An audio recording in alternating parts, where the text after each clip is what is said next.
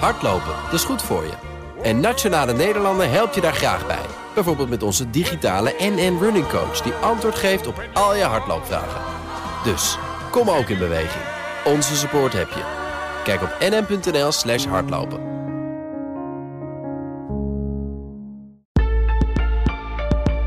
Welkom bij Eén gratis bier voor iedereen. De financieel-economische kieswijzer van BNR en de Vrije Universiteit Amsterdam...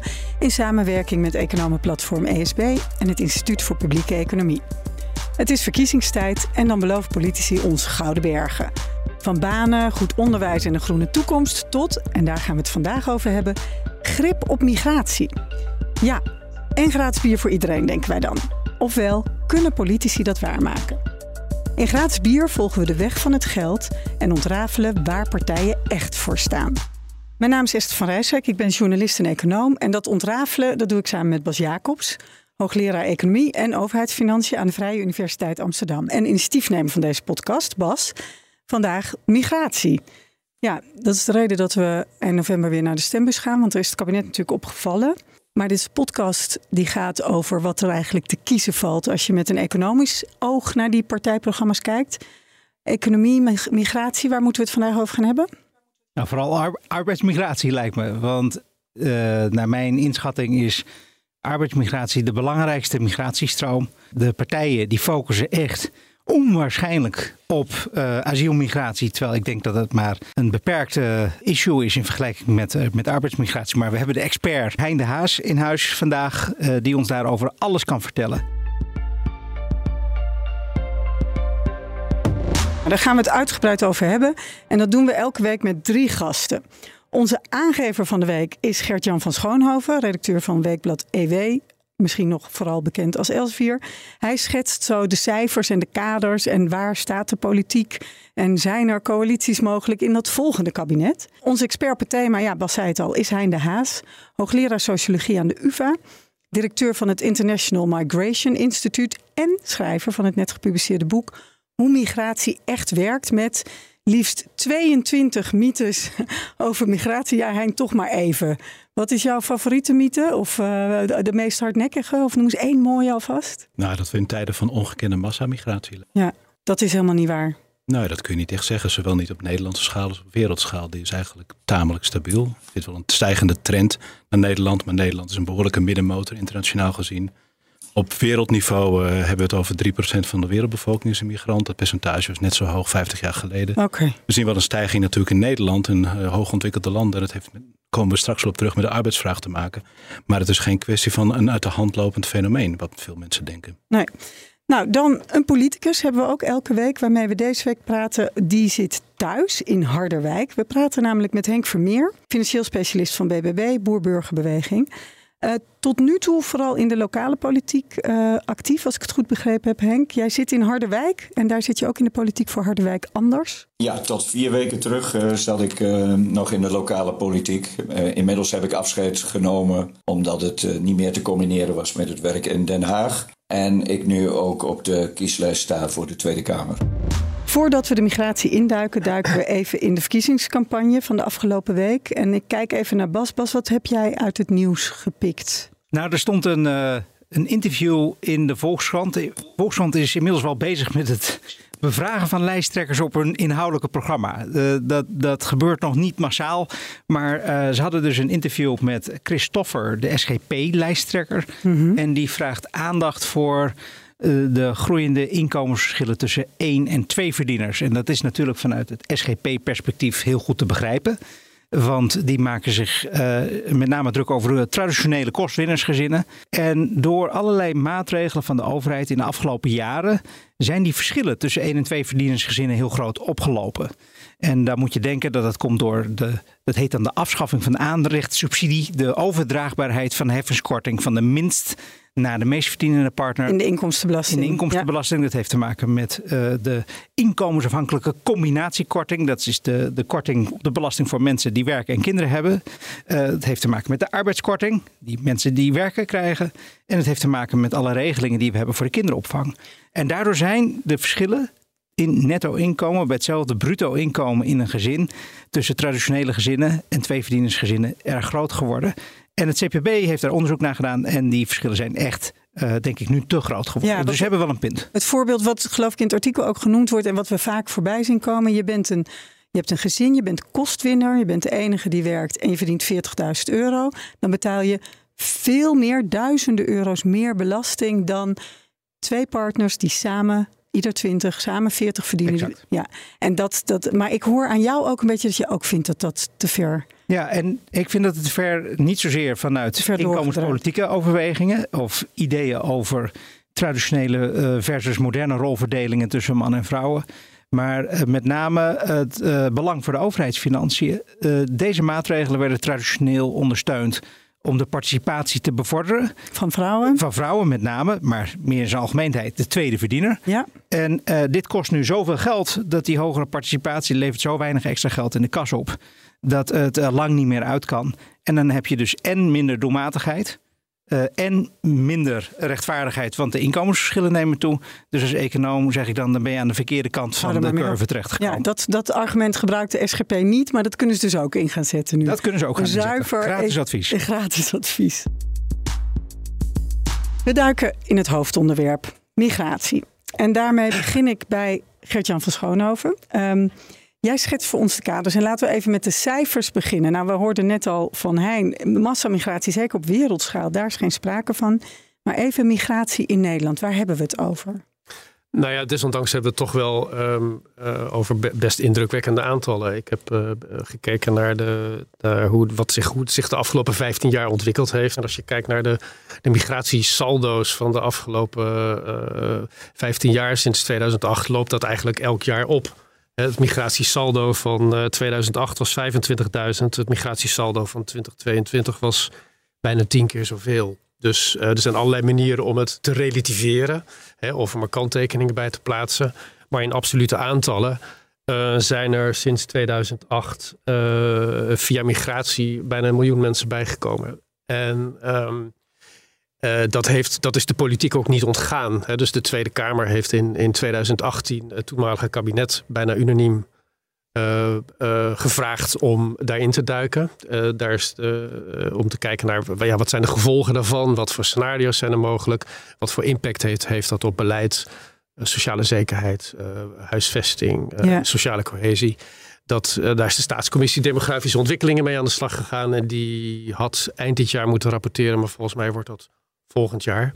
Maar dat, dat zit er aan te komen. De aantallen zijn toch indrukwekkend genoeg voor veel aandacht. Ik was gisteren bij um, dinsdag bij het uh, Centraal Planbureau. Presenteerde gisteren op een symposium een heel onderzoeksprogramma. Uh, op het gebied van, van immigratie, de, de, de impact op de schatkist, de impact op de, de, de, de huisvesting voor de komende twintig jaar, et cetera. Dus er is veel uh, veel aandacht voor. En dat lijkt me gezien de aantallen uh, uh, terecht. Afgelopen jaar hadden we het, um, als je de aantallen wil, hadden we het over zeg maar in totaal ruim 400.000 mensen die naar Nederland kwamen. Dat, omdat er ook mensen weggaan, hou je saldo over. Dat waren er bijna 225.000. Mm -hmm. Hoe groot deel daarvan is dan asiel en hoe groot deel is ja, de, de, asiel zat vorig jaar rond de, rond de 50.000. Dus dat is inderdaad, als je dat in percentages uitdrukt, is dat zeker niet het meest substantiële deel. Dat, die relativering is terecht. Maar ik vind zelf wel, en dat is misschien voer voor discussie, dat dat aandeel, um, dat het iets te veel opgehangen wordt aan het aandeel van 10% of 12%. Want daar zit het. Wat uh, vaak genoemd wordt, hè? Dat wordt vaak genoemd. En daarmee, um, en dan ben ik niet de enige die dat vindt. Dat vindt, vindt ook bijvoorbeeld het, uh, het CPB zei dat gisteren ook. Het, het, het, typische van asielmigratie is dat dat veel meer blijvende migratie is dan arbeidsmigratie en studiemigratie. Dus als je Want daar kijkt, gaat een flink deel weer van. Ja, weg. die mensen, mensen gaan weg. En ja. bij asielmigratie blijven veel mensen. Dus als je het hebt over de vormgeving ja. van Nederland. Hoe ziet Nederland er in 2040, 2050 uit? Dan is asielmigratie uh, de impact daarvan eigenlijk veel groter, groter, groter dan, dan arbeidsmigratie. Ik noem die toch ook even. Hè. Ik heb die cijfers uit een rapport van de advies uit migratie gehad. Want daar staat inderdaad 12 procent asielmigratie. Jij zegt op de lange termijn tikt dat harder door dan de ja. meeste arbeidsmigratie. En de migratie van buiten EU. Daar ja. is het beeld heel anders. Want de arbeidsmigratie is vooral Europese uh, migratie. Ja. De migratie van buiten de EU is wel gezinsmigratie. En dat is voor een deel asielmigratie ook. Of gezinshereniging en asielmigratie. Dus het is heel erg welke cijfers uh, zet je in de spotlights. Um, het is eigenlijk moeilijk om er zicht op te krijgen. Maar het grootste deel zijn mensen uit de EU. Ja. Ehm, en van buiten, asielmigratie is dan 12%. Van buiten de EU is ges- ehm, eh, arbeidsmigratie 5%. Zie ik hier. We hebben natuurlijk ook nog studiemigratie. Ook weer voor een flink deel van buiten de EU. Dus best lastig om het plaatje concreet te krijgen. Maar je hebt de nuance gegeven. Ja. Tweede ding wat we heel graag van jou horen. Wat zijn die politieke partijen hier nou allemaal mee aan het doen? Wat En zie alles, jij als je alles naar bij elkaar zie je in grote lijnen zie je dat, dat de, wat, de, wat linker, de, de, zeg maar, de wat linkse partijen over het algemeen iets meer de nadruk leggen op, arbeidsmigratie. Mhm. Eh, de rechterpartijen wat meer op, eh, op eh, asielmigratie. Het grappige is, ik keek het van, vanmiddag nog even na. Als je de VVD naast de Partij van de GroenLinks Partij van de Arbeid legt, dan zie je allebei grip op migratie. Altijd bij precies dezelfde term. De VVD begint met asiel en daarna arbeidsmigratie. De Partij van de Arbeid begint bij arbeidsmigratie en gaat daarna naar asiel. Maar Dus willen dat ze op die vlakken dan een beetje hetzelfde? Nou, ik denk dat de, de, de asielparagraaf van. Als je denkt over mogelijke samenwerking. Ja. dat de asielparagraaf van de, van de VVD een stuk geharnaster is dan van de Partij van de Arbeid. Ja. GroenLinks. ehm, GroenLinks Partij van de Arbeid moet ik zeggen. Maar dat op het punt van arbeidsmigratie. eh, dat eigenlijk wel meevalt. Commissie Roemer. ehm, eh, de aanbevelingen van de Commissie Roemer. Leg noemen even ze uit wat dat is. Nou ja, dat, dat, dat is een rapport van de commissie Roemer. Heeft eh, drie jaar geleden gekeken naar uitbuiting van, eh, van, eh, eh, van, van de Europese eh, EU, ge- Poolse gastarbeiders, et cetera. En eh Van allerlei van illegale uitzendbureaus, huisvesting, minimumloon. Er is een heel pakket van aanbevelingen gedaan door de, door, eh, in het rapport Roemer. En wordt breed onderstre- eigenlijk breed onderschreven. van links tot rechts eh, eh, onderschreven. Hein de Haas, onze hoogleraar, de expert. Hebben we de kaders en cijfers een beetje op een rij Nou, om het over dit probleem te gaan hebben? Redelijk. Eh, ik wil wel weer enige nuance stellen bij het verhaal over migratie eh, over de langere termijn. We zien voornamelijk een op- en neerbeweging van eh, netto-migratie. En die hangt zeer sterk met de economische conjunctuur samen. Dus als de economie hard groeit, zien we veel hogere netto-migratie. Vooral als de werkloosheid daarbij lager is. En die zakt dan weer in één als, die, eh, als we in een recessie terechtkomen. Dus dat is het voornaamste verhaal. We zien daarna een lange termijn stijgende trend. Die heeft voornamelijk met arbeidsmigratie te maken. Want als je naar asiel kijkt als percentage van totale immigratie, dat neemt eerder af over de tijd, omdat het aandeel arbeid steeds groter wordt. Het aantal arbeidsmigranten in Nederland is in de afgelopen 18 jaar vier keer verve- ver- ver- Nou verviervoudigd. ja, dus als aandeel van het totaal neemt het af, maar dat komt omdat arbeid zo snel, snel stijgt. dus maar asiel- in totaal neemt het toe. Ik ben het ermee eens dat asiel natuurlijk een, een fundamenteel andere discussie is Ja. dan arbeid. Alleen het gaat te weinig over arbeid. En dat is ook eigenlijk wat uit mijn boek en mijn Ja. onderzoek komt. Is dat je kunt niet en een open, goed lopende markteconomie willen en hebben. En structureel minder migratie willen hebben. Die twee zijn niet met elkaar te verenigen. Dus als je, ik vind het totaal legitiem om als politiek standpunt in te nemen. Ik wil minder immigratie, het wordt te veel. Zolang je je niet verlaagt tot racistische taal, vind ik dat uitstekend.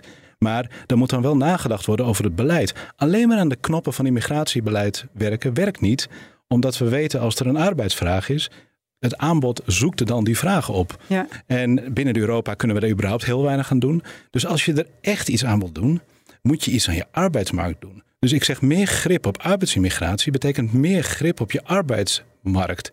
En een deliberalisering de facto van je arbeidsmarktbeleid. Nou, daar staan de meeste politieke partijen niet voor, die ook voor een vermindering van immigratie pleiten. We hebben allerlei beleid gevoerd gericht op een liberalisering van die arbeidsmarkt, die Dus juist de vraag naar migrantarbeid heeft vergroot. We hebben de grip uit we dat- handen gegeven. We hebben de grip uit handen gegeven door die arbeidsmarkt te liberaliseren. In elk geval binnen de Europese Unie. Ja. Want daar is dus, nou dat, dat zien we ook. Ja. Er zijn Oost-Europeanen, dat is echt goed op gang gekomen. Ehm, En ook van buiten de Unie zien we een toenemende arbeidsimmigratie. Ik ben het ermee eens, dat is een kleinere component van de buiten, maar we zien daar ook een duidelijk stijgende trend. En eigenlijk zeg je, die drijver van die arbeidsmigratie, dat is gewoon de arbeidsvraag. Als de economie lekker ronkt, en zeker zoals nu, is een hartstikke krappe arbeidsmarkt. Ja. Ja, dan hebben werkgevers mensen nodig en ze vinden ze. De, de luisteraar kan deze grafiek niet zien, maar de, de, de netto-immigratie volgt de conjunctuur behoorlijk Ja, goed. wij zien, ik zal Ja. het toch even proberen te beschrijven, zo'n lijn die omhoog en omlaag en omhoog en omlaag gaat. Dat is de economie. En een lijn daarnaast, en die gaat net zo hard omhoog en omlaag. Dat is het En dat, migratiesaldo. is migratie. dat zit heel dicht op elkaar. Ja. En wat is dan toch ook even, want we moeten arbeids- en eh, Ja. asiel goed uit elkaar houden. Ja. De drijver van arbeidsimmigratie is gewoon arbeidsvraag. Ja. En de drijver van asielmigratie is Conflict. conflict. Dat weten we ook uit heel goed onderzoek door een econometrist, Timothy Hatton. Die heeft naar de Europese asielstromen gekeken en die zegt ja, de hoofdcomponent is gewoon intensiteit van conflicten in onze nabijheid. Er spelen een aantal andere factoren wel een rol. Waar al netwerken en families zitten. Migratiebeleid speelt ook een rol, maar veel kleiner dan je zou denken. Oké. Even naar die arbeidsmigratie dan. Um, ik las een interview met jou in het Algemeen Dagblad. Daar eh, vroegen ze de klassieke vraag die wij hier ook wel stellen. Nou oké, je bent morgen de baas van het land. Wat ga je onmiddellijk doen? En daar antwoordde jij... Ik ga onmiddellijk de lusten en de lasten van migratie eerlijker verdelen. Wat, wat, wat, gebeurt er dan als je dat gaat doen? Nou, kijk eens, degene die de lof zingen over migratie, die. Uh, kijk, het is natuurlijk niet zo dat. Uit onderzoek weten we ook, het is simpelweg niet waar dat migranten banen afpakken. Of massaal de lonen drukken. of dat de hoofdoorzaak van gebrek aan betaalbare woningen in migratie is. Speelt misschien een rol, maar niet zo groot als er vaak wordt gezegd de pro-migra het pro-migratiekamp overdrijft weer heel erg de voordelen van immigratie. En wat zij het oog verliezen, is dat hoewel ja, immigratie stimuleert economische groei, dat die baten van die groei met name terechtkomen bij de hogere middenklasse, de betere inkomens, die profiteren van de diensten van arbeidsmigranten, die ook vaak natuurlijk aandelen hebben in bedrijven waar arbeidsmigranten werken, die meer winsten maken. Maar juist de minst verdienende in de samenleving, zeg maar de 10% uh, mensen die op of net boven minimumloon zitten, uh, profiteren economisch vrijwel niet van immigratie. Dat zijn ook de mensen, waaronder overigens veel ex-migranten, die in, in, wijken wonen uh, en op plek, ja, plekken komen waar natuurlijk ook de gevolgen van arbeidsmigratie het meest zichtbaar zijn. Ja. Inclusief fenomenen zoals in sommige Haagse wijken waar arbeidsmigranten door huisjesmelkers vol worden gestopt in huizen. Ja. En dat natuurlijk gewoon overlast op, op, op, op, op, oproept. Hetzelfde voor asielmigratie. Als we heel veel jonge mannen op één plek in een klein dorp zetten, levert dat natuurlijk overlast op voor mensen. En dat zijn typisch niet die mensen die de meeste baten plukken van arbeidsimmigratie. Waar ik zo wil, voor, voor zou willen pleiten is een nationaal debat over immigratie. Nou, we zijn hier begonnen. Ja, precies. Het begin van het nationaal debat. En gratis bier voor iedereen. Voor, voorbij, de, voorbij de pro-anti-framing om te zeggen, ja, het is er. En we weten iets over de oorzaken van migratie. En dan moeten we een goed debat hebben over... Ja, en, maar ga even door, want je was ja. de lust en de lasten aan het uh, ja. verdelen. De, uh, dat is nu duidelijk aan de bovenkant. De rijke mensen hebben de profijt van onderkant veel minder. Ja. Wat, wat, gaan we precies doen? Aan welke knop gaan we draaien? Nou, ik ben geen politicus, maar je kunt natuurlijk wel. Aan welke knoppen kan een politicus draaien? Nou, regulering van de arbeidsmarkt, het tegengaan van misstanden, die arbeidsinspectie er serieuzer op zetten. Dat zijn de aanbeveling van de commissie Roemer gaan ook die ja. kant op. De vraag is: wil de politiek dat? We hebben ook een component illegale arbeid. Dat is een publiek geheim, zeker in de grote steden, dat een aantal sectoren daar grotendeels op draaien inmiddels. Waar, waar maak het even concreet? Nou, schoonmaak bijvoorbeeld, uh, de horeca, uh, gedeeltelijk ook wel de land- en tuinbouw. Uh, daar zit een forse component niet gedocumenteerde illegale arbeid in. En dat weten we allemaal. De vraag is, willen we daar echt iets aan doen? En als we dat zouden willen, zijn we er dan met de aanbevelingen van Roemer en met uh, sterkere inspectie? Ik denk op het gebied van, voor zover het om legale migratie is, en dat is nog steeds het overgrote gedeelte, ja, dan kun je daar een end mee komen. Nogmaals, de vraag. Wacht even, want hier, hier, gaat het in mijn hoofd te maken nu kortsluiting. Ik had net een beeld van hadden we, of we het over zwart werken hadden, daar hebben we het nu niet over. Je zegt legale. Nee, de meeste uitbuiting, ja, sorry. Ja, dus legale migratie, daar zijn ook misstanden als je die gaat aanpakken. He, dus mensen met ja. wel verblijfspapieren, maar die werken op manieren die we met z'n allen eigenlijk niet oké okay vinden. Dat is een kwestie van meer inspectie. En dan? dan? Dan zullen die mensen minder hier naartoe komen? Of dan hebben we ze niet meer nodig? Of dan zullen werkgevers zich anders gaan gedragen? Nou, ik denk dat het een illusie is om te denken dat je daarmee migratie gaat wegdenken of wegwensen. Maar het zal er al licht toe leiden dat het iets minder wordt. Maar het belangrijkste is natuurlijk dat je uitbuiting voorkomt. En ook buitenlandse werknemers gelijk behandelt met Nederlandse werknemers. En dat lijkt me zinnig. Ja. De vraag is alleen, willen we dat? Hè? Het hoofdarbeidsинspectie heeft ook al meerdere keren geroepen. Die heeft echt alarm geslagen, hè? maar er luistert, het wordt amper opgereageerd. Nee, er is, er is ook niet echt een wil. Dat zie je door de hele westerse wereld. De kans om echt vervolgd of beboet te worden als werkgever voor het maar waarom uitbuiten. niet? Waarom, waarom willen we dat niet? Omdat het ons allemaal heel erg goed uitkomt. Er zijn enorme economische belangen hier. Ja.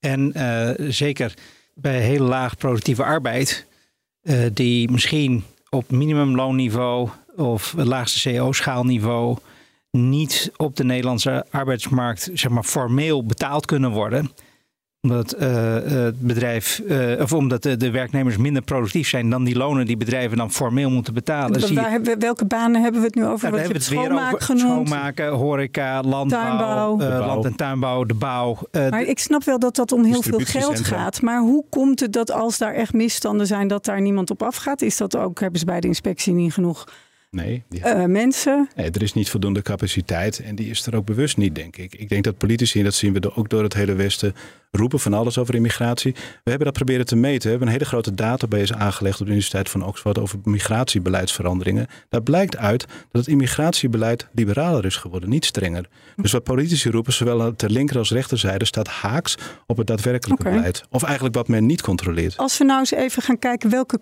keuzes kan je dan maken, dan moeten we toch gaan kijken welke sectoren gebeurt het dan uh, en waar hebben we het nou precies over? Uh, want we hebben uh, BBB aan de telefoon. Ja, ik hoor u al een paar keer landbouwbeleid of tuinbouw, dat Nou ja, is migratiebeleid. Nou ja, als je bijvoorbeeld zegt ik ben pro-landbouw.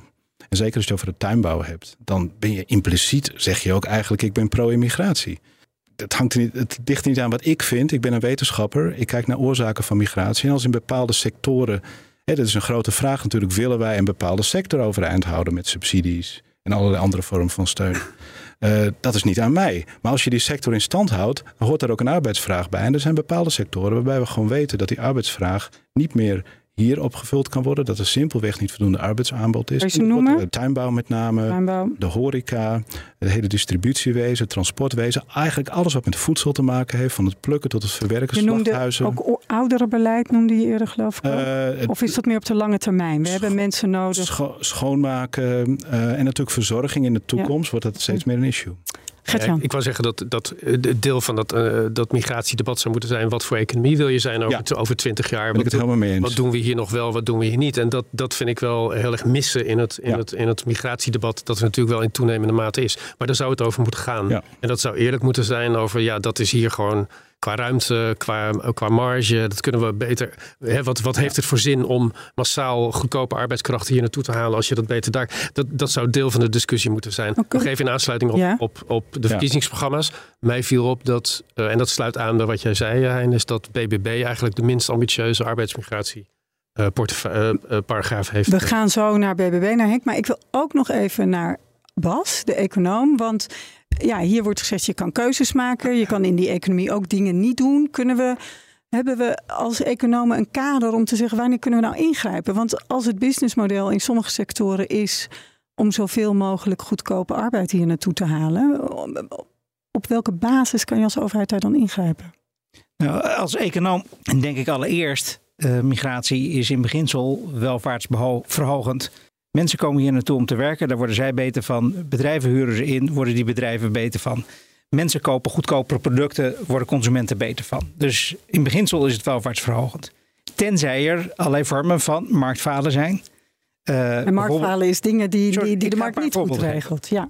Het eerste voorbeeld wat ik wil geven is dat omdat er belastingheffing is en omdat er minimumlonen zijn en lage CO-schalen, een hele groep arbeiders niet aan de bak komt. Omdat de lonen voor bedrijven te groot zijn als ze in het formele circuit aan het werk gaan. En dus ontstaat er een vraag naar zwarte markt. arbeid. En daar gaan deze mensen werken, omdat het toch zinvol werk is in de ogen van consumenten en in de ogen van bedrijven. Tweede is dat er natuurlijk ook sprake kan zijn van nou ja, zeg maar maatschappelijk eh, onacceptabele kwesties die te maken hebben met uitbuiting, huisvestingsproblemen, eh, negatieve externe effecten, noemen economen dat. Eh, dan is eh, migratie niet per se welvaartsverhogend. Want dan eh, leiden migratiestromen tot eh, kosten voor de samenleving die private partijen niet voor hun rekening eh, krijgen, waardoor er dan te veel van dat soort activiteiten En dan kan gebeuren. je als overheid gaan ingrijpen. Dan kan je ingrijpen. Dus als econoom zit ik met name te denken over de omstandigheden waarin je zou kunnen zeggen de markt werkt. Ja. En de omstandigheden waarin dat niet zo is en een correctie gewenst is. Ja. En dan kan je ook nog gaan nadenken over verdelingseffecten. Want het is zeker zo wat Hein zegt, dat de lonen gemiddeld niet gedrukt worden door meer migratie. Maar het beïnvloedt wel de inkomensverdeling. We zien wel wat druk aan de onderkant van de Ja, arbeidsmarkt. daar gaan de lijnen, En- lonen bijna niet meer omhoog. Ja, Nou, die, die kunnen zelfs wat een klein beetje omlaag gaan. En dat Ja. het grote profijt zit hem aan de aan de bovenkant. bovenkant. Want migranten doen heel veel diensten waarmee hoogopgeleide meer complementair werk kunnen verrichten. Eh, waardoor zij productiever kunnen worden. Dus er zitten wel degelijk ook verdelingsvragen aan migratie. Ik zag in, in dat rapport wat ik net ook even noemde van de adviesraad migratie. Daar wordt dan bijvoorbeeld als voorbeeld gegeven Horst aan de Maas. Gewoon een dorp in, eh, in Limburg aan de grens. Daar is veel glastuinbouw en heel veel distributiecentra. En daar dreigt in, of dreigt, daar zal in 2030 een kwart van de inwoners is daar van Oost-Europese afkomst. En daar is gedoe in de gemeenteraad. Dat zijn het type externaliteiten. Bas noemt het dan negatieve externe effecten. Op basis waarvan, want dat legt een druk op de huizenmarkt. Op basis waarvan je zou kunnen zeggen, nou daar is voor de politiek dan wel iets om naar te kijken. Daar hebben we het over. Henk Vermeer. Je bent er nog, hoop ik. Um, Want er kwam hier van alles voorbij over die land- en tuinbouw. En als je daar nou heel erg pro bent, dan uh, ben je eigenlijk ook heel erg pro-arbeidsmigratie. Is dat, is, is dat zo bij BBB? Nou, we hebben in ieder geval in ons verkiezingsprogramma opgenomen dat wij pleiten voor gereguleerde arbeidsmigratie, waar hier eigenlijk ook wel voor gepleit wordt. En wat ons betreft gaat het dan ook om personeel die uh, arbeiders die nodig zijn voor voedselzekerheid, techniek, medisch geschoold personeel, et cetera. Want inderdaad, uh, een land- en tuinbouw zonder uh, migratie, ja, dat is op dit moment uh, gewoon niet mogelijk. Nee, maar je zegt techniek en, en, en voedselzekerheid. Ja, ook de robotisering, met name in de tuinbouw, is nog niet zo ver. Daar wordt wel heel, heel veel geld in gestoken met plukmachines, ook in kassen. Uh, dus daar, daar schrijdt de techniek ook wel vooruit, maar dat is niet maar zo opgelost. Wij kijken eigenlijk naar drie vormen van migratie. Dus asielmigratie, arbeidsmigratie, maar ook studiemigratie. Ja, die hebben we natuurlijk ook nog. Daar hebben wij ongeveer ook nog 100.000 studenten per jaar die hier komen. En ja, wat voegt het aan de Nederlandse economie toe? om een Vietnamese student filosofie hier een opleiding te geven. Er kwam net ook veel voorbij over uitbuiting en misstanden en zo. Dat gebeurt natuurlijk ook. Um, ja, ik hoorde je zeggen, het moet allemaal gereguleerd en netjes. Sommige van de partijen stellen ook voor om flink te investeren in uh, dat toezicht uh, en in de inspectie. Dat heb ik bij jullie niet gezien. Maar uiteraard moeten, moeten zaken netjes geregeld worden voor mensen. Dat geldt zowel voor de huisvesting, de voorwaarden communicatie. Even een voorbeeld hier in Harderwijk hebben wij een, een uh, kader opgesteld voor huisvesting van arbeidsmigranten. Uh, om ook te zorgen dat men, en dat is, dat is wel mooi hoe hij in de Haas dat ook noemde, van de lusten en de lasten moeten beter verdeeld worden. Want juist in de, in de wijken waar mensen met lagere inkomens wonen, worden ook vaak huizen bevolkt door arbeidsmigranten. En heel vaak ook zonder dat daar een speciale woonvergunning voor is. Ja. Gertjan, idealiter zou eigenlijk, ja? Ja, idealiter zou eigenlijk ieder bedrijf wat arbeidsmigranten inzet, die ook moeten huisvesten op zijn eigen terrein. Alleen onze regels staan dat weer niet toe om bijvoorbeeld op een industrieterrein met hogere geluidsniveaus, et cetera, om daar uh, woongelegenheid te bieden. Oké, ik geef even het woord aan Gertjan van Nou, ja, een aanvullende, aanvullende vraag hierop, want uh, ik ben bezig met een verhaal over de dakloosheid in uh, de grote steden en dan vooral in, in Rotterdam. En dat speelt in Den Haag ook. En daar hebben bestuurders en politici de indruk dat Rotterdam en, en Den Haag erg te lijden hebben onder EU-migranten, gastarbeiders, die gewoon op straat komen te staan omdat ze hun baan in het Westland afgelopen is. Dus ze hebben daar godsvermogen betaald voor een matrasje en dan komt er een einde aan het contract en dan komen ze op straat te, te, staan. Uh, wat, wat voor regulering, zal ik maar zeggen, zou, zou u daarop willen, op willen loslaten? Denk Vermeer? Nee, dat klopt. Maar eigenlijk zou een arbeidsmigrant is geen arbeidsmigrant meer op het moment dat hij geen arbeid heeft. Dus daar moet ook een duidelijke koppeling zijn aan ergens werken. Gaan we het nou wegdefiniëren, het probleem? Die mensen zijn niet weg, nee, helemaal die blijven niet. hier gewoon. En ze gaan op straat slapen. Nee, helemaal niet. Maar, de, maar er zijn ook steeds meer tuinders en uh, fruittelers... die bijvoorbeeld al 10 of 15 jaar uh, een soort verbindenis hebben... met hetzelfde dorp in Polen of Roemenië... waar die families in een bepaalde tijd van het jaar overkomen om dit werk te doen. En, dus, en dus ook uh, zorgen dat die weer teruggaan. En dat zou een manier moeten zijn. Ja, absoluut. En op het moment dat bedrijven meer verplicht zouden worden om hun eigen huisvesting op hun eigen terrein bijvoorbeeld te regelen, wat in de, in de fruitteelden zo heel gewoon is, dat die op het erf gehuisvest worden. Dan op dat moment is het huisvestingsprobleem ook geen issue. En is dat dan, hebben we dan de huisvesting op het niveau die ik, ik ga even naar Hein de Haas, want je zat ook al te zwaaien. Maar ik gooi mijn vraag alvast in. Hebben we dan de huisvesting die we willen als dat op het terrein is nou, van de werkgever? Natuurlijk bepaalde, eh, bepaalde vormen van seizoensgebonden arbeid kan dat best een oplossing zijn. Maar het bredere probleem is dat we ook in Nederland wel degelijk een vraag hebben. Een structureel toenemende vraag naar ook laaggeschoolde arbeidsmigranten. Voornamelijk vanuit de Europese Unie. In toenemende mate, een kleine gedeelte, in toenemende mate ook van buiten de Unie. Ik ben bang dat we een gastarbeiderprobleem uh, aan het hercreëren zijn. Door een, een soort illusie te wanen dat iedereen weer terug zal gaan. Nou, voor bepaalde vormen van seizoensarbeid kun je dat voorstellen. Frankrijk doet het ook met Marokko, een soort circulair systeem. Maar heel veel soorten van arbeid hecht ook de werkgever aan een arbeidsrelatie met de werknemer. Dus vertrouwen, ervaring. En we weten dat de meeste vorm van die arbeid semi-permanent wordt. Als we nu niet nadenken wat we inderdaad doen, bijvoorbeeld met Oost-Europese arbeidsmigranten, en we denken dat iedereen weer weggaat, zijn we weer bezig. Um, door het eigenlijk niet te willen aanvaarden dat een forse component van die migratie permanent zal zijn, om te denken aan de integratie van die groepen. En het, het hele wat gezien uh, werd als het integratieprobleem in Nederland, hè, van de voormalige gastarbeiders, had gedeeltelijk zijn wortels in het niet erkennen van die permanentie van de migratie. En daardoor ook niet het bieden van inderdaad goede huisvesting, ervoor zorgen dat kinderen naar goede scholen gaan, et cetera. Een vorm van segregatie. Dus we, we dreigen weer een soort nieuwe onderklasse te creëren van arbeidsmigranten die officieel niet gewenst zijn, maar die, waar in de praktijk een arbeidsvraag naar is. Dus ik kom daar weer op terug. Zolang die er is, zullen die mensen komen en een gedeelte ervan zal blijven. Er is op dit moment helemaal geen echt debat in Nederland over hoe we dat willen doen in de toekomst. En ik kom terug op dat bredere punt van wat voor samenleving willen we naartoe. Henk Vermeer, wat voor samenleving willen we naartoe?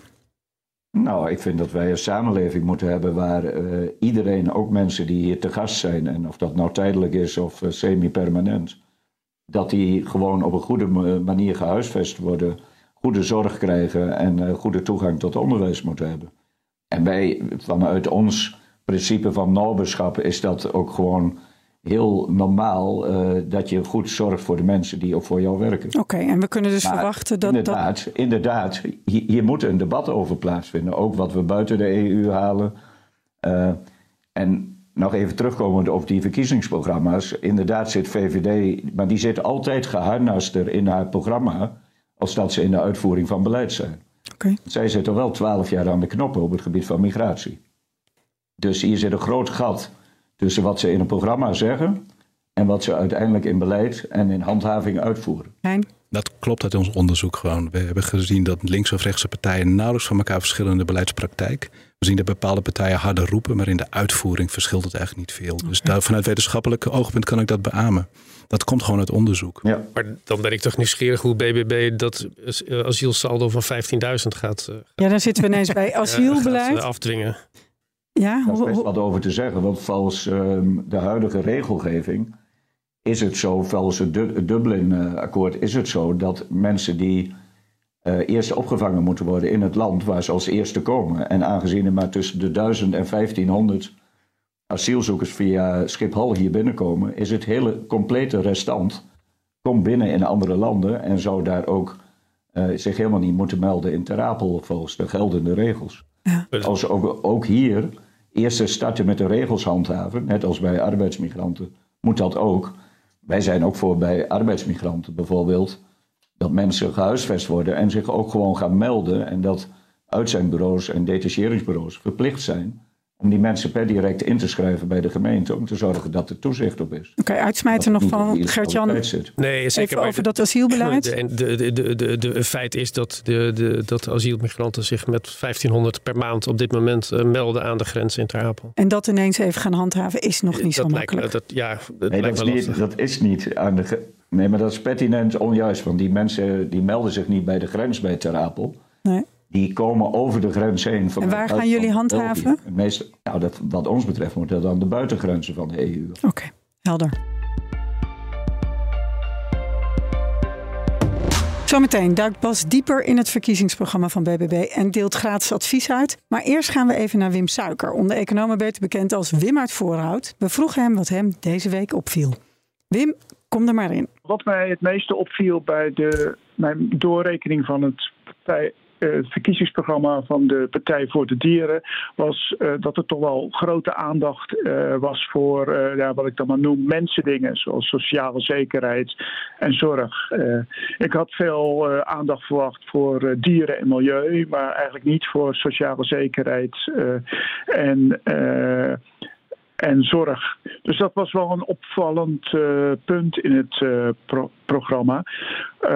Wat verder ook wel opviel was dat uh, zeg maar, uh, de, de overheidsuitgaven door het partijprogramma voor de Partij voor de Dieren toch wel best flink zou stijgen. Ik, kom op tenminste een stijging van 32 miljard euro. daarvan is 18 miljard sociale zekerheid en 9 miljard is voor de zorg. En ja, dat is alleen de, de de punten die ze voldoende gespecificeerd hebben om uh, een getal aan te hangen. Maar daar bovenop komen nog veel uh, ongespecificeerde overheidsuitgaven, zoals verhogen van loon in zorg, openbaar vervoer en onderwijs. Maar ook heropening van kleine politiebureaus. dus het is een, ja, een ruim aantal uh, punten waar zij de overheidsuitgaven uh, willen verhogen. En eigenlijk zit er uh, nergens een, zeg maar een bezuiniging in. zelfs geen bezuiniging op defensie, wat, me toch ook wel, wat ik ook wel opvallend vond. Dat is de, zeg maar de, de uitgavenkant. Als ik dan kijk naar de uh, lastenkant, daar zit toch wel een forse lastenverhoging in. ze verhogen de vennootschapsbelasting, verhogen, voeren een vermogensbelasting in. Ehm, en daar staat dan tegenover dat ze de BTW op preparaties, op groente en fruit en op OV afschaffen. Wat ik dan wel uh, ja, opvallend vind, is dat uh, sommige partijen die willen dan uh, de, de, BTW op voeding afschaffen. Maar zij zijn heel specifiek. dus de BTW op vlees en melk, die mag wat hun betreft zo blijven als die is. Totaal kom ik dan op een, een, een lastenverhoging van tenminste 14 miljard euro. Um, als ik dan naar de uitgaven en de, de, de lasten kijk bij elkaar, dan kom ik tot een, vergroting van het overheidstekort van zo'n 18 miljard euro. En dat is, betekent dat het tekort in 2028 op 5% BBP uitkomt. Ik dan nog even teruggaan naar, ja, omdat de, de dieren dingen, ja, daar is het programma best radicaal op.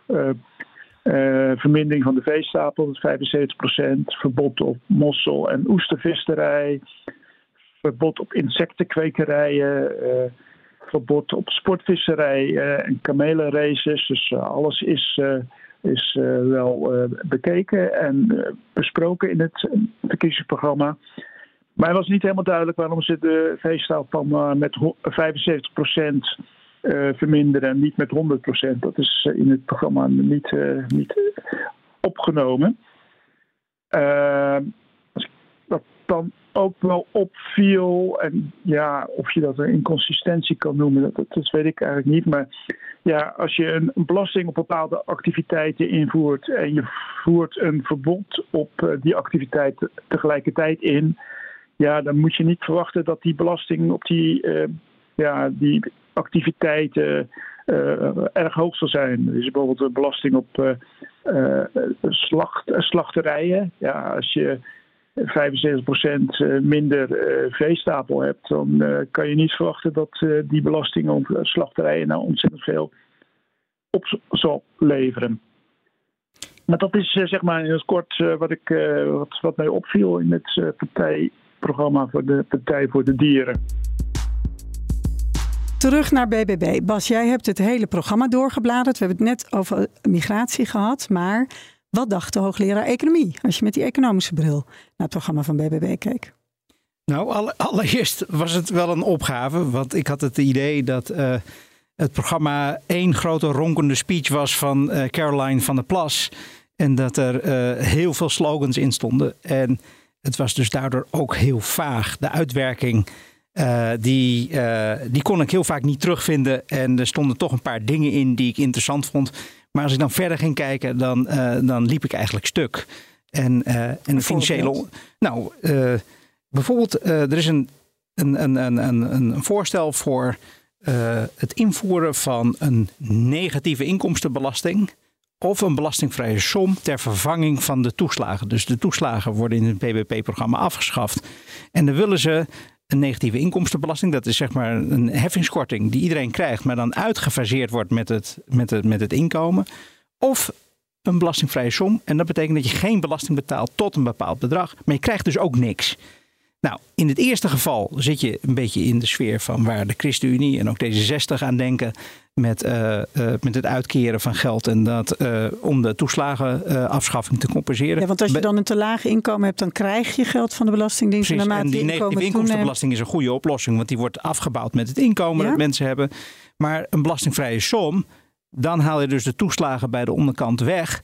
En die krijgen daar dus niets voor terug. Want die krijg je niet als je niet werkt. Daar heb je niks aan de als je niet werkt. De belastingvrije som, je betaalt gewoon geen belasting tot een bepaald bedrag. Maar je krijgt dus ook niks. Nee. Dus dan gaan de toeslagen eraf, maar je krijgt niks terug. Nee. En dan zijn de mensen aan de onderkant zwaar de pineut. Okay, en ik kan me niet voorstellen dat de BBB mensen aan de onderkant massaal in de financiële problemen wil brengen. Dus ik zou hem willen vragen. Uh, geef graag wat toelichting over wat jullie hier precies bedoelen. Henk Vermeer, we hebben het elke week over de toeslagen en hoe elke partij dat oplost. En uh, ja, hoe, hoe gaan jullie het nou precies doen? Nou, ik ben in ieder geval blij dat ons imago er eentje is van een partij die, uh, die ook de mensen die, die achterblijven daarop let. Dus dat is in ieder geval, daar zijn we in geslaagd. En uiteraard nou, nog niet helemaal. mensen die niet kunnen werken, ja, daar zullen wij gewoon nog steeds uitkeringen aan geven. Maar, uh, want er staat ook nergens maar, in een stuk dat wij de uitkeringen afschaffen. Nee, maar ze verliezen wel hun toeslagen. Dus stel nu dat je niet werkt, je hebt bijstand, maar je hebt ook huurtoeslag, zorgtoeslag en nog mogelijk wat andere dingen. En dat gaat er allemaal uit bij BBB. Maar er komt er dan niks voor terug? Of gaat de uitkering omhoog? Kijk, het, ik wou net zeggen, het, het, totale systeem moet op de schop. Want we hebben de, de toeslagen, die hebben wij steeds gebruikt als een soort pleister om maar iets te compenseren. En ook juist in die, dat was ons, is ook ons uh, kritiek op die, op die doorrekeningen van die programma's. Ja, daar word je gewoon heel erg uh, beloond, zeg maar, tegenwoordig, omdat er ook uh, naar armoedecijfers gekeken wordt. Als je die toeslagen wat verhoogt, dan leidt dat tot lagere armoedecijfers en dan scoor je een plus in het. Ja, maar toch even terug naar even de niet vraag van Bas. ja. Ja, even terug naar de vraag van Bas. Hij zegt, je haalt toeslagen weg. Uh, je houdt natuurlijk de uitkeringen. Maar hoe ga je nou mensen die last hebben van het feit dat ze die huurtoeslag, kinderopvangtoeslag, uh, uh, zorgtoeslag, die krijgen ze niet meer. Wat, wat krijgen ze daarvoor in de plaats? Nou, bijvoorbeeld wat net al genoemd werd, negatieve belasting kun je doorvoeren. Ja. Maar, en mensen die niet werken, die kun je natuurlijk in de uitkeringenkant. Uh... Maar een negatieve inkomstenbelasting is dat ze dus een gel geldbedrag krijgen overgemaakt vanuit de overheid. Dus ook een toeslag ja. die afgebouwd wordt met het inkomen. Dus dan worden alle toeslagen vervangen door een nieuwe. En die wordt uitgefaseerd met het inkomen. Is dat het plan van BBB? Nee, wij denken als, als we zijn dat op dit moment aan het uitwerken en we zullen daar uh, begin november zullen wij daar met een, uh, een doorrekening uh, van komen met een alternatief systeem. Waarbij okay. de, de belasting en de premie voor, voor, voor, voor, of zeg maar de, voor, de, voor de werknemers, ja, dat je het gewoon het eerste stuk belastingvrij maakt, waardoor het ook het gevolg zal hebben dat een paar uur meer gaat werken, dat dat ook daadwerkelijk loont. En ik, ik, maar ik, ik concludeer dat jullie hem gewoon nog aan het uitwerken zijn, toch? Of niet? Wij zijn hem verder aan het uitwerken, ja. ja want uh, natuurlijk hebben wij ook met al deze effecten... We zijn, we zijn heel benieuwd. Bas, Bas zal het uh, met uh, enthousiasme tegemoet zien. We gaan even verder, want Bas had, er viel nog iets op. Ik geloof dat BBB de boksen wil afschaffen. Ja, en dat vond ik een hele interessante. Dat zag ik bij geen van de andere politieke partijen. Jullie willen één box maken eigenlijk. Dus één systeem waar alle inkomen, of je dat nou verdient met werk... of met onderneming, of met beleggen en sparen... of met een tweede huis, één regime... Uh, met één belastingssysteem erop. En ik, uh, ik vroeg me daarbij af: uh, één, waarom willen jullie dat? En twee, welke tarieven gaan jullie daarvoor hanteren? Henk. Wij willen dat. sowieso is een van de uitgangspunten dat het moet gaan om daadwerkelijk rendement. Dus niet meer om fictief rendement. Bij het vermogen, ja. want, ja, want anders gaat dat ook niet werken. En Eigenlijk is altijd al het streven geweest, ook van de huidige systemen, dat dat ongeveer gelijk belast zou moeten worden. tenminste, dat, die kant zie je het al opbewegen. Dat, ik heb zelf... dat inkomen en vermogen gelijk belast moet worden, bedoel je dat? Ja, maar ook, en ook inkomen uit onderneming. Dat dat eigenlijk per saldo geen bal meer uitmaakt of je nou netjes dividend betaalt en uh, vervolgens uh, in box 2 daarvoor belast wordt. Of dat je, ja, alleen wat, wat gebeurde er, en daar moet dat misbruik, dat moet hard aangepakt worden. Dat mensen bijvoorbeeld excessief gingen lenen uit BV's en dat het daardoor leek of dat ondernemersvermogen minder belast werd. Maar dat was allemaal uitstel van belasting, uh, waardoor sommige bedrijven uh, of kleine bedrijfjes, uh, als mensen met pensioen gingen, niet eens konden afrekenen met de fiscus. Oké, dus alles in één box. Welk tarief vroeg Bas zich ook nog af? Waar, waar, waar denk je dan aan? Ja, dat zou ongeveer vergelijkbaar kunnen zijn met, met de huidige tarieven. En dan zou je maar die zijn in elke box heel verschillend? Kunnen.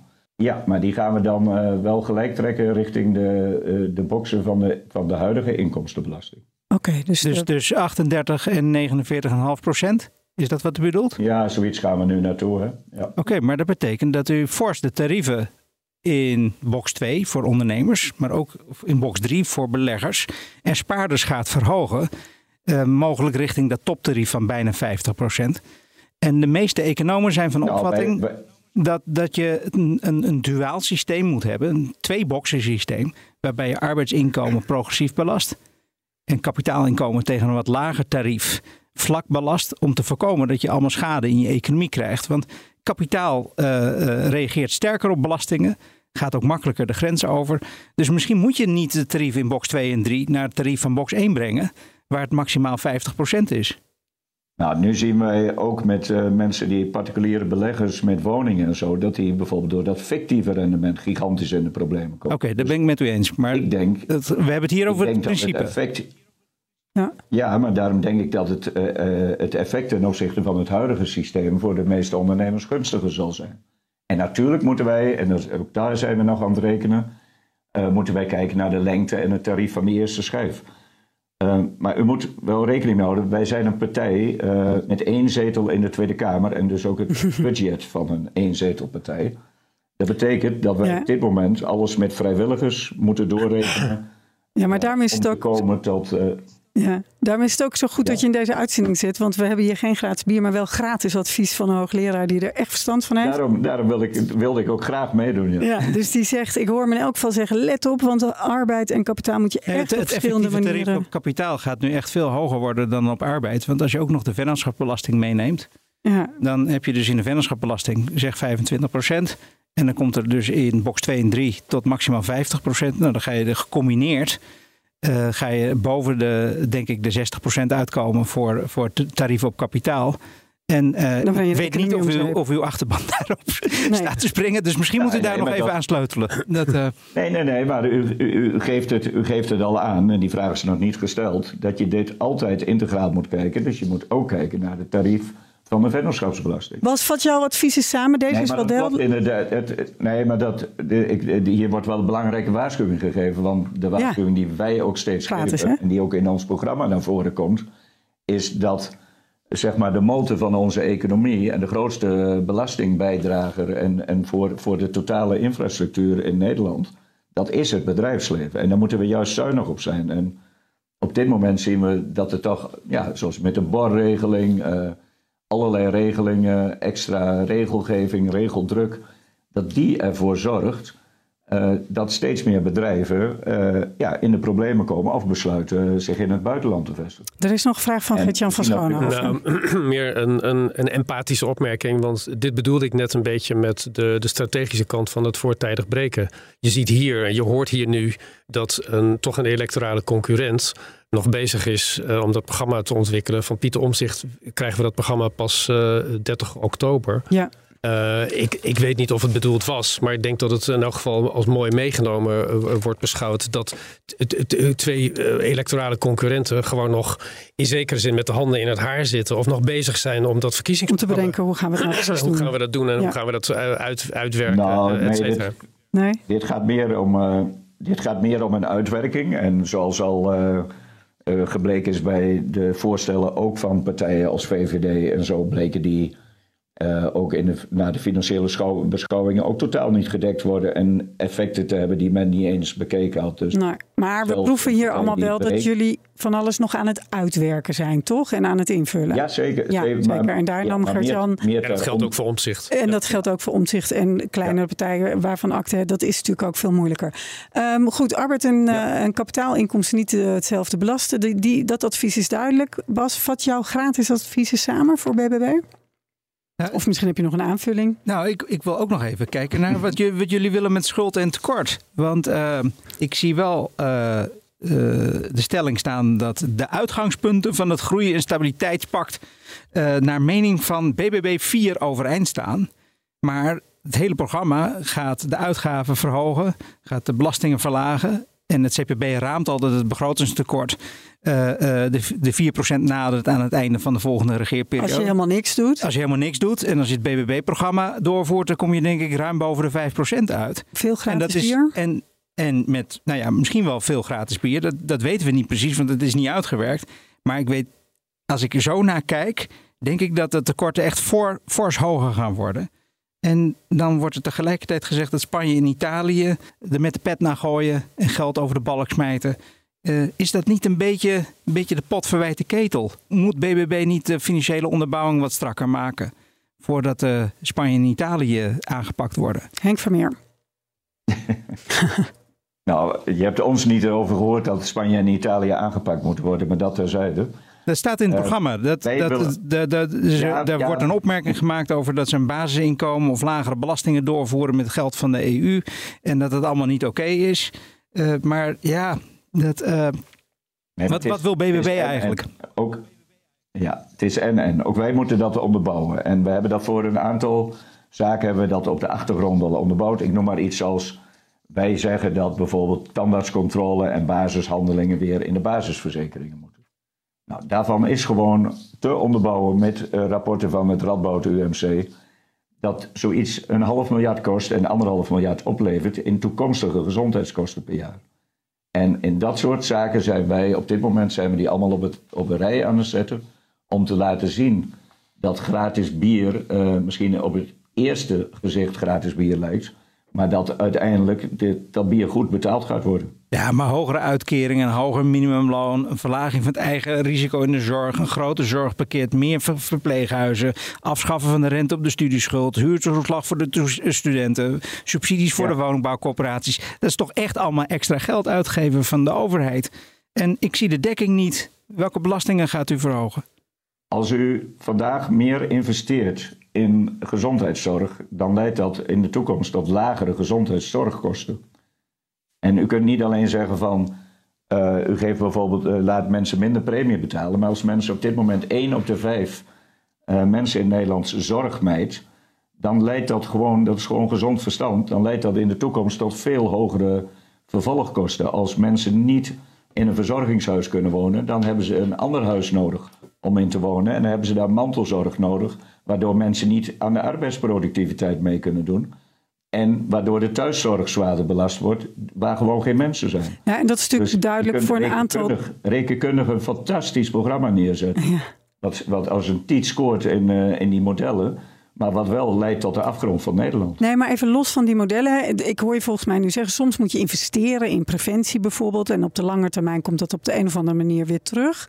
Maar ik hoor Bas net ook een aantal dingen zoeken, noemen dat zijn geen investeringen. Dat gaat niet op de lange termijn minder uitgaven opleveren of meer inkomsten. Dus de, de, hoor ik je nou zeggen, nee, maar als wij, er is geen extra belastingheffing nodig? Als, als wij bijvoorbeeld um, op dit moment, als de, de lonen en, en de daaraan gekoppelde uitkeringen wat hoger worden, het alternatief is weer al die toeslagen verhogen. Nee, dat snap ik. Niet in de armoede. Maar dan heel concreet toch, hoor, dus, ik, hoor ik BBB zeggen, de, wij gaan deze uitgave doen en we gaan geen lasten verzwaren. Als het aan ons ligt, geen lasten. Zoeken, ja? ja? ik denk dat we meer moeten zoeken in de verdiencapaciteit van Nederland. Dat die omhoog moet. Daar is veel meer te halen. Want anders dan bezuinigen we ons de, de eerstvolgende crisis in. Oké. Dat is onze visie daarop. Maar wij zullen daar, uh, wij zullen daar nog met cijfers komen beginnen. Heel goed. We gaan allemaal kijken naar al die cijfers begin november. En hulde voor het toch hier in gesprek gaan terwijl dat er allemaal nog niet is. En jullie ook nog aan dat programma aan het werken zijn. Dus heel veel dank daarvoor. Dankjewel dus Henk Vermeer hier in de studio. Hein de Haas, dankjewel hoogleraar sociologie aan de UvA. UvA aan de UvO, ja. Gert-Jan van Schoonhoven van EW Magazine. En Bas. En bedankt voor de tips. En bedankt voor de tips, voor het gratis advies. Dankjewel dat je erbij was, uh, Bas. Wie betaalt het bier vandaag? Nou, ik denk BBB. dat, uh, dat is duidelijk. Okay, dankjewel. Geen probleem. Ja, proost.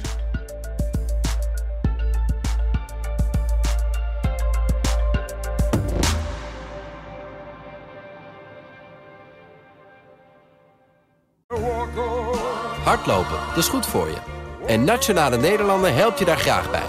Bijvoorbeeld met onze digitale NN Running Coach... die antwoord geeft op al je hardloopvragen. Dus, kom ook in beweging. Onze support heb je. Kijk op nn.nl slash hardlopen.